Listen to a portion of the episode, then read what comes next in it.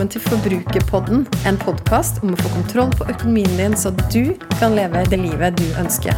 Jeg heter Kjersti Grønseth, er trebarnsmor og økonom, og er kanskje aller best kjent som forbrukerfrue. La oss snakke litt om forbruk, for alt starter med det.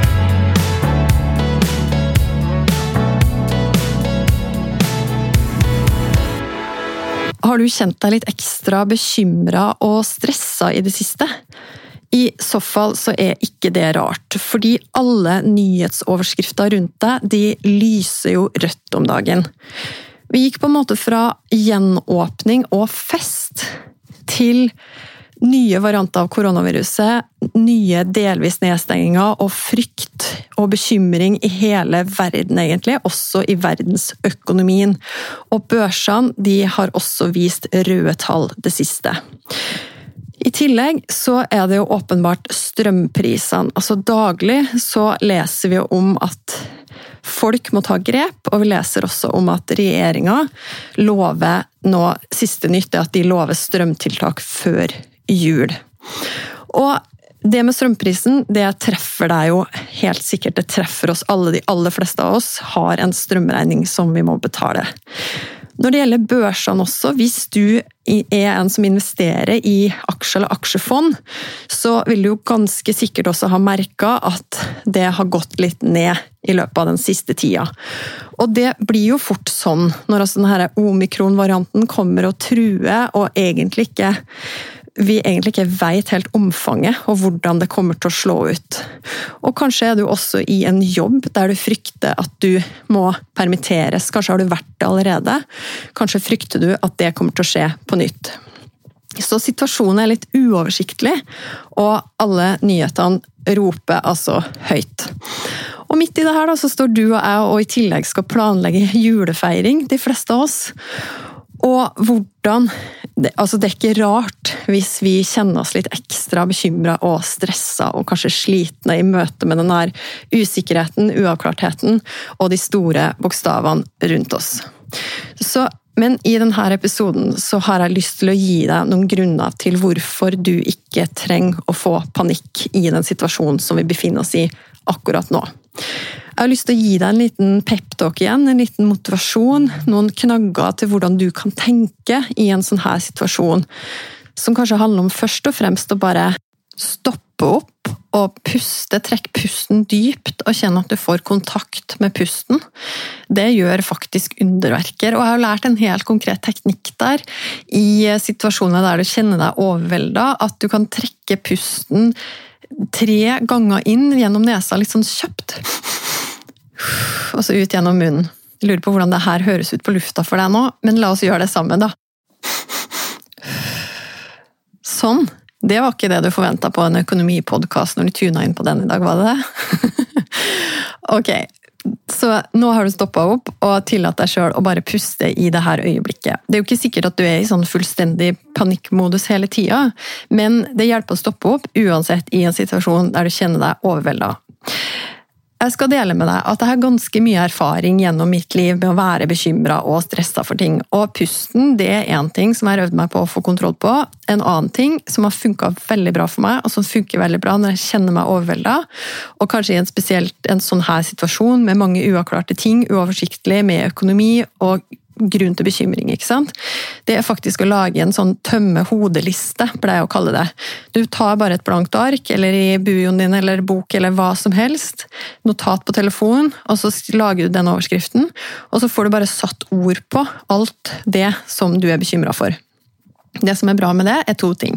For det første så er det sånn at bare ved å ha satt ord på det, få det ned på papiret, så er det litt sånn der ut av hodet, ned på papiret. Da tar det mindre plass og krever mindre energi å bare ha det kvernende i hodet, rett og slett. Det andre, og det er kanskje vel så kult, det er at du tar vare på denne lista, og så ser du når det har gått en tid, og så ser du at en bekymring du hadde, den er det ikke sikkert at er like stor lenger. Eller så har det løst seg. Så det er min første anbefaling. da. Nest etter å koble på pusten, så er det det å skrive ned det du er bekymra for.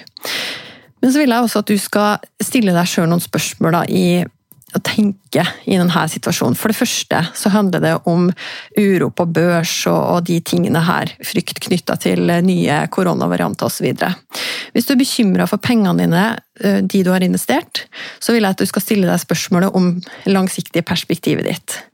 Og minne deg sjøl på hvor hvilken strategi og hvilken plan du har for nettopp de her pengene. Fordi forhåpentligvis er det jo sånn at du har tenkt til å ikke bruke de pengene du har investert i aksjemarkedet, før om tidligst fem til ti år, kanskje enda mer. Og da er det en god match, ikke sant? fordi du tar risiko når du investerer i aksjemarkedet. Det kan svinge brått fra en dag til neste, det har vi jo erfart massevis i løpet av bare det siste halvannet året. Du som har hatt penger investert siden uh, før mars i fjor, du vet jo hvor fristende det var å bare kvitte seg med alt og selge da. Og nå har du jo kanskje også lest at eh, mange av de store investorene de driver og selger unna nå. ikke sant? Men hva skal du gjøre da? Jo, minne deg sjøl om at det her er penger som du ikke har tenkt å bruke nå. Du har sagt at ok, jeg investerer over tid, og derfor så er eh, tid og risiko det er en god match, som du vet, du som har hørt på Forbruke på den tidligere. Og hvis du ser på en graf som viser utviklinga i aksjemarkedet over tid, se på f.eks. Oslo Børs de siste 30 åra, så ser du at kurven sånn generelt, den er jo oppadgående. Så det betyr at ok, du har fått mer og mer avkastning på de pengene som du har hatt investert der. Men så hvis du zoomer inn på spesifikke perioder, så ser du at du har sånne dropp, sånne at det dropper veldig fort i markedet. Og innenfor en kort periode, ja, så hvis du har et kortsiktig perspektiv, så er det jo all grunn til panikk. fordi at da vil jo pengene dine, som var mye verdt i går, være mye mindre verdt i dag. Men trikset er å ha det langsiktige perspektivet. Så da kan du bare forholde deg helt rolig når du leser alle sånne nyheter, fordi du vet at du har en strategi og en plan. Og vite at eh, normalt sett, i snitt, så vil investering i aksjemarkedet gi deg 3-7% mer enn det du ville fått ved å ha penger i banken. Nå er det viktig å si at historisk avkastning er jo ingen garanti for framtidig avkastning, så det er jo risikoen du tar. Men hvis du tror sånn noenlunde på at historien skal gjenta seg, også i aksjemarkedet, så kan du ha et bevisst forhold til at de pengene her, de skal vi bare la stå, ha et langsiktig perspektiv på de, og ikke tenke så mye på hvordan det svinger fra en dag til neste. Ok, så det er det som handler om de langsiktige pengene dine. Og så er det jo det som går på det som er litt mer kortsiktig, som handler om f.eks. strømmen, og hvordan du i alle dager skal overleve den vinteren som vi går i møte nå, med så høye strømpriser som det er nå. Én ting er jo det at regjeringa har sagt at det kommer tiltak, strømtiltak før jul. Men en annen ting det er jo hva som skjer i din egen privatøkonomi, og hvilke grep du kan ta der. Og der vil jeg si til deg som har spart opp buffer, og du som har hørt på Forbrukerpodden en stund, du har i alle fall spart deg opp en krisebuffer på 10 000 kroner. Og du har kanskje også til og med begynt å bygge på den og skulle gjøre om den krisebufferen til en superbuffer som består av noen måneders levekostnader, litt avhengig av din situasjon. Så høye strømpriser som vi har nå, det vil jeg si er typisk grunn til å bruke av bufferen. For hvis det ikke er sånne situasjoner, hva annet da? Jo, det handler jo om også når du mister inntekt plutselig i en periode, eller at du får uforutsette utgifter på noen ting du eier, altså det kan være et eller annet som skjer i boligen din, et eller annet med bilen din, osv. som var uforutsett. Det er jo det du har buffer til. Men også når du får uventa høye utgifter, sånn som med strømmen nå.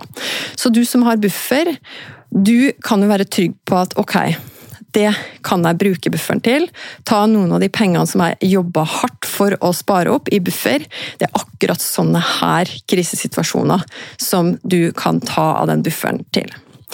Ok, og så syns jeg det er interessant litt sånn midt oppi det her, så er det jo sånn media skriver jo om at eh, de ulike forslagene fra de politiske partiene på Stortinget de skriver om at regjeringa varsler strømtiltak, og vi vet ikke helt hvordan det kommer til å se ut for hver enkelt husstand. Men så skrev også TV 2 Nyheter for noen dager siden om, en, om en trebarnsfamilie som har tatt grep, og som sier at den høye strømmen nå, høye strømutgiftene har gått hardt utover budsjettet. For det var jo sånn at på Østlandet, eller Sør-Norge, i forrige uke så har strømmen da sånn anslagsvis kosta en vanlig husstand ca. 1000 kroner. Og det er ganske mye, og det er ganske mye mer enn det vanligvis koster også på vinteren. Så de, den familien som da ble intervjua av TV 2 Nyheter, de har da tatt grep. Og de har blant annet gjort noe med selve strømforbruket. Altså de har skrudd ned temperaturen i oppholdsrom til 20 grader, og så har de skrudd ned temperaturen i de fire soverommene til 18 grader. Og så har de også fulgt rådene til en gruppe som heter Prismatch på Facebook. Og nå regner de med, som han sier, at regninga vil ligge på 5000-6000 kroner for en vintermåned. Det er jo fortsatt mest sannsynlig mer enn det de pleier å ha vanligvis, men de har i hvert fall gjort konkrete grep. Så var det en eh, forbrukerøkonom som uttalte seg i den samme saken, og som snakka om at ja, det kan være smart å f.eks. Det hadde jo også den familien her gjort. da, De hadde sett på matutgiftene sine og sett på at de kunne spare eller kutte ca. 2000 kroner i måneden på matbudsjettet. måneden. Og eh, så svarer den forbrukerøkonomen at det er, det er smart absolutt å ta noe fra matbudsjettet for å dekke strømregninga. Og så men så fikk jeg litt inntrykk gjennom den saken av at ok, men, men det her er egentlig litt sånn flaut. At det her skjer i velferdsstaten Norge. Vi har jo råd og mulighet til å gripe inn og hjelpe forbrukerne. Og det er jo sånn at det kommer, kommer tiltak, absolutt. Eh, og det er kjempebra. Men det jeg bare har lyst til å si Jeg har egentlig lyst til å liksom snu perspektivet litt. og egentlig løfte perspektivet litt i denne saken. og Jeg har lyst til at du som hører på Forbrukerpodden, ikke skal gå hva skal jeg si, i den fella og tenke at ok, men nå, nå er det krise, og hvis ikke, hvis ikke, vi får noen tiltak som redder oss nå, så er det ille ute med oss. For jeg har lyst til at du skal tenke at det er faktisk du som er sjefen over dine penger. Og hvis du i din egen økonomi nå du kan benytte denne anledningen her, du kan nesten se på det som en mulighet til å se på ok, har jeg noe i min økonomi som jeg kan snu på. Har jeg noen steiner jeg kan snu på, har jeg noe forbruk jeg kan kutte som egentlig ikke gir meg glede. Har jeg noe, driver jeg med noe impulsshopping som egentlig ikke gir meg noen ting? Eller har jeg noen vaner, f.eks. knytta til matbudsjettet. Da. Har jeg noen vaner som egentlig ikke gir meg så mye mer igjen, men som gjør at jeg bare bruker en del penger på det? Og ja da, matvareprisene har også økt. og du må høre meg riktig nå, for at jeg sier på den ene sida at det er veldig veldig, veldig bra at vi får tiltak, også fra regjeringa, som hjelper de som er aller vanskeligst stilt i denne situasjonen her. Samtidig så tenker jeg at vi istedenfor å tenker at ok, men, men, det blir litt for dumt å skru ned temperaturen i huset, eller det blir litt for dumt å bruke mindre penger på mat, så tenker jeg at nei, det er ikke sikkert at det blir så dumt. For det kan hende at det handler om at du får da benytta anledningen nå til å snudd på noen steiner du kanskje ellers ikke ville snudd på hvis du var i en normalsituasjon. Og Her snakker jeg av erfaring. Jeg har lyst til å gi deg to eksempel. Det ene er det som jeg snakka om tidligere også på Forbrukerpodden, som jeg kaller geriljasparing. Og Det handler litt om å sette deg et konkret mål, f.eks. hvis du skal betale ned dyr gjeld, eller du skal bygge opp nettopp buffer. Da. At du gjør alt du kan i en periode for å øke inntekten din, eller kutte utgiftene dine, eller selge noe du uansett ikke trenger. Og Mannen min og jeg vi gjorde jo det her i løpet av høsten 2019. Så betalte vi ned, sparte opp til å betale ned et billån på 260 000. Og det var jo i løpet av ganske kort tid også, og da solgte vi noe vi eide. Og så sparte vi alt av feriepenger og penger vi fikk igjen på skatten og litt av lønna i desember, og vi kutta også utgiftene ned til beinet i en periode. Og det og, og, så kan man tenke sånn Å, det var veldig sånn stakkarslig måte å gjøre ting på, og hva er poenget med å, med, med å utsette seg sjøl for det her, da, kan du tenke.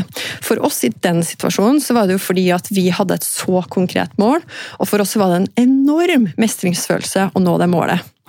I Og så har jeg da tenkt litt og skrevet litt og reflektert litt rundt det der etterpå, at det handler jo egentlig om at vi i den situasjonen der, vi fikk jo trent den her sparemuskelen og forbruksmuskelen vår da, i den perioden, fordi at vi blei så tydelige på hva var prioriteringene våre, og hva var det vi faktisk kunne kutte. Og nå er det jo ikke nødvendigvis det motivasjonen til å skulle spare som gjør at du nå potensielt må kutte ned på ting. da. Nå handler det jo om å dekke en utgift som strømregninga, og klart at det er mye surere penger å tenke at du skal kutte ned på noe annet for å betale for strøm. Men det er det det er. Situasjonen er den den er. Vi har høye strømpriser.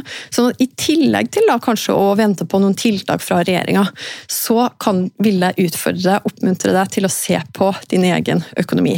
Og Noen ganger så er det sånn at ved å få kniven litt på strupen, enten at vi setter oss sjøl i den situasjonen for vi har et tydelig sparemål, eller fordi vi får høye utgifter på et eller annet område, så vil det faktisk potensielt være en god del læring der. Det andre eksempelet det er fra, fra et selskap som jeg jobba i. Jeg begynte å jobbe rett før finanskrisen i 2008. Og det selskapet, det er et stort norsk selskap som jeg jobba i, det måtte ta grep under finanskrisen. Og kutta da bl.a. reisekostnadene med 20% med å finne alternativ til å reise. Og, og, og skapte gode løsninger for å ha møter da digitalt på video den gangen. Så det forteller meg at det selskapet da fikk jo kniven på strupen. Finanskrisen, alle måtte spare. ikke sant? Og i etterkant av det så har man jo snakka mye om at det var, skjedde egentlig en kulturendring. Fordi kanskje hadde man da i en periode der man ikke hadde kniven på strupen, bare bestilt en reise av gammel vane. Og så vedlikeholdt man på en måte, opprettholdt man de høye reisekostnadene da. Men ved å få kniven litt på strupen, så klarte man å legge om vanene. Og etterpå så gikk ikke så, så hvis jeg husker riktig, så gikk ikke reisekostnadene tilbake til det nivået de hadde vært, fordi at vanene var endra. Og akkurat det eksempelet, når det gjelder reisekostnader, så er det også veldig bra for miljøet, klimaet, ikke sant? Og Sånn er det jo ofte i din økonomi også. De grepene du tar, f.eks. på matbudsjettet. da. Hvis du tenker at ok, men nå er det høye strømpriser, nå må jeg faktisk kutte litt på matbudsjettet. Det aller enkleste det er å begynne å se på hvor mye du kaster. Hvor mye kaster du av mat som egentlig kunne blitt til en middagsrett eller til lunsj eller til noe restemat. Så ta med deg det som en oppfordring at når man får kniven på strupen i en, for i en sånn her situasjon, så kan det være en fantastisk fin anledning til å se på dine egne vaner, og se om du, om du, finner sløsing, eller om du finner noe som uansett ikke gir deg glede, og som vil ha en positiv effekt også når denne krisen er over. Ok, så det var min peptalk i dag. Jeg har lyst til å berolige deg. Jeg har lyst til at du ikke skal få panikk når du ser røde tall på børsen, fordi at du har en langsiktig strategi. Jeg har lyst til at du ikke skal få panikk når du ser overskrifter om og frykt for høye strømpriser utover vinteren. Jeg har lyst til at du skal ta tilbake kontrollen og tenke at det er du som styrer dine penger, og du har muligheten, i den grad du kan Det er ikke alltid at det går, jeg må si det, men i den grad du kan, snu på hver eneste stein. Og så kommer det også eh, hjelp i form av strømtiltak. Så ta med deg det, og gå med hodet høyt heva gjennom resten av dagen her. Fordi du har kontroll på dine egne penger, og du kan faktisk få det ut av dine penger som du ønsker. Jeg vil gjerne vite hva du tenker etter å ha hørt episoden. Så koble med meg på Instagram. Der finner du meg som forbrukerfrue. Send meg en melding. Tagg meg gjerne i Story og del episoden her hvis du likte den. Eller send meg spørsmål. Og husk å abonnere på podkasten Forbrukerpodden, så får du beskjed hver gang det kommer en ny episode. Vi høres!